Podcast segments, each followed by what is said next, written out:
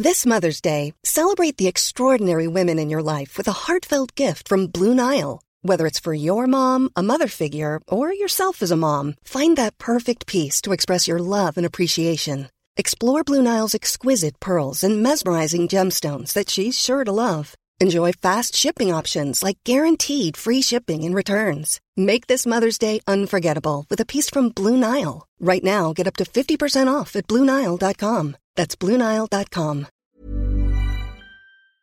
Okay, what's the number one reason you should try Instacart? Shopping over 1.5 million unique products from over 1,000 retailers and get everything delivered right to your door in as fast as one hour, all in one app. So you can spend more time with the ones who matter most. Visit instacart.com to get free delivery on your first three orders. Offer valid for a limited time $10 minimum per order. Additional terms apply. Het is oorlog in Europa. Gaan we allemaal dood in een kernoorlog? Nee, ik denk het niet. Gaat deze oorlog de wereld veranderen? Dat weet ik zeker. In samenwerking met Dagblad Trouw probeer ik met deze podcast grip te krijgen op de oorlog. Elke dag houd ik je op de hoogte van de situatie in Oekraïne en Rusland. Maar eerst even dit. Ja, je hoort het al in de leader. Vanaf vandaag wordt de podcast gemaakt in samenwerking met Dagblad Trouw. Daar ben ik heel erg blij mee. Ik was voor Trouw correspondent in Moskou tussen 2005 en 2010. En het voelt heel natuurlijk dat uh, Trouw nu mee gaat werken aan deze podcast. En dat maakt de overlevingskansen voor deze podcast ook weer groter. Net als de nieuwe adverteerder, in dit geval uh, de verdwaalde jongens. Uh, daar vertel ik morgen nog wat over. In ieder geval, dit is wat er gebeurde op dag 61 van de oorlog. Vannacht zijn er weer twee Russische oliedepots in brand gevlogen, beide in de Bryansk-regio. De stad Bryansk is een logistiek knooppunt voor het Russische leger. Volgens de Russische staatsmedia is 15.000 ton aan brandstof uh, in brand gevlogen. En dat maakt de logistieke operatie voor de Russen, die toch al niet zo soepel gaat, nog lastiger.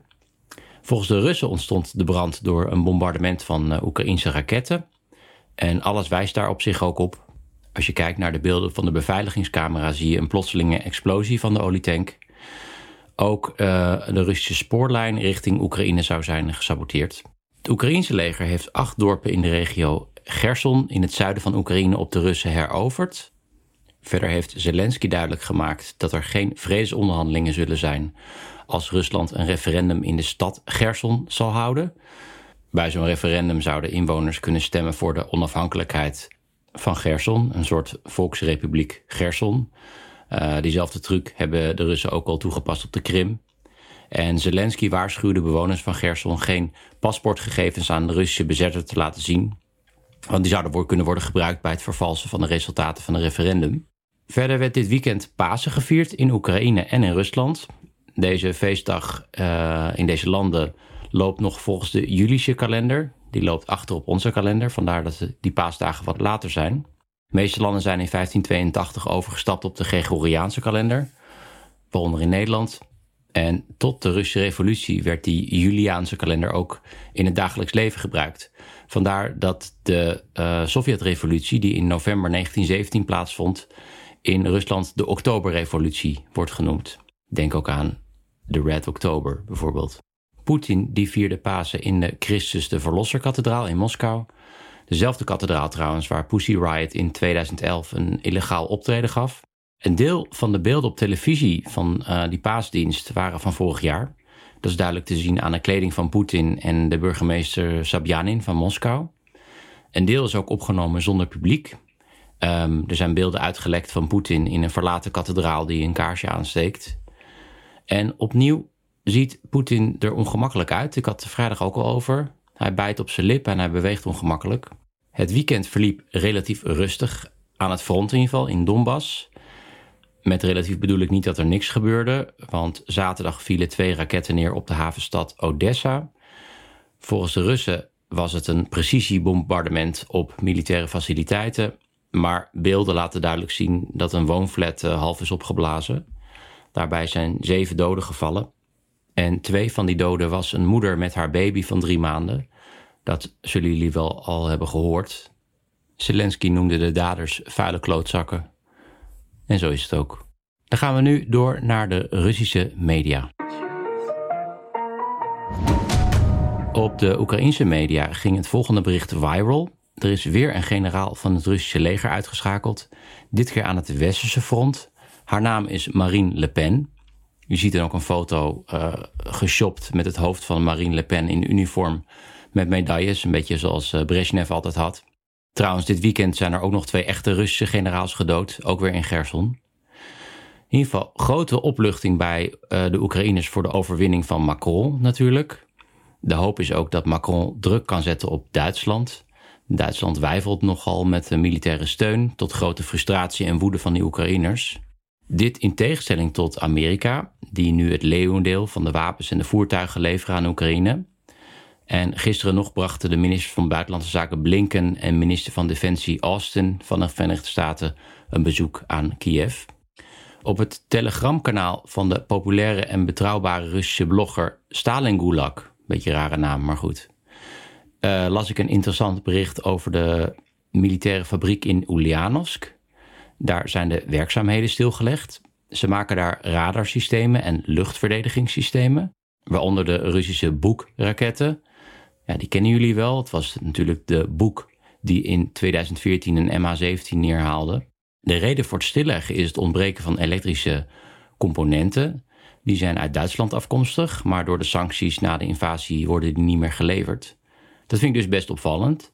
Dat het dus na 2014 en na de MH17, of het neerhalen van de MH17, Duitsland doodleuk verder ging met het leveren van spullen die nodig zijn voor het maken van de boek. De medewerkers van de fabriek krijgen nu de keuze of onbetaald verlof of een contract om te vechten in Oekraïne. Nou, dat is fijn. Um, uiteraard zou dat in Oekraïne zijn als de bediener van een uh, boeksysteem met een salaris voor 600 dollar per maand. Eerder al trouwens moest een tankfabriek in Nizhny Tagil al worden stilgelegd vanwege een tekort aan elektronica uit het westen. Oké, en dan nog dit. Het verzet tegen de oorlog gaat door in Rusland. Dit weekend ging een filmpje viral van een woedende moeder in een kleuterschool in Tula. Die alle zalen van de kleuterschool afgaat en dan de letter Z van de ramen rukt. Die letter Z wordt door de Russische autoriteiten gebruikt als een symbool van de invasie. En diezelfde Stalin Gulag, die blogger waar ik het net al over had, die postte over een vrouw in de stad Pskov. Die schildert elke lente haar hek. En dat is niet zo heel gek in Rusland. Toen ik nog in Moskou woonde, wist ik dat de lente begon als de verfploegen uh, langskwamen. Die kwamen dan elk hek in de buurt verven, zonder eerst het hek te schuren of überhaupt schoon te maken. Waardoor die verf natuurlijk gelijk afbladderde en elk jaar moest gebeuren. Hele erg Russische logica dit. Hoe dan ook, deze vrouw die schilderde elk jaar haar hek blauw en geel. De kleuren van de lucht en de zon, daar werd ze vrolijk van. Tot dit jaar, want de politie kwam langs en legde uit dat het niet mocht. Want ja, Oekraïense vlag. En ze dwongen de vrouw um, de kleur van het hek te veranderen. Dus zij heeft toen alle gele spijltjes groen gemaakt. Um, ik zal een foto in de show notes zetten. Eerder dit weekend, en ik verzin het niet, werd een man opgepakt met gimpen die toevallig geel-blauw waren.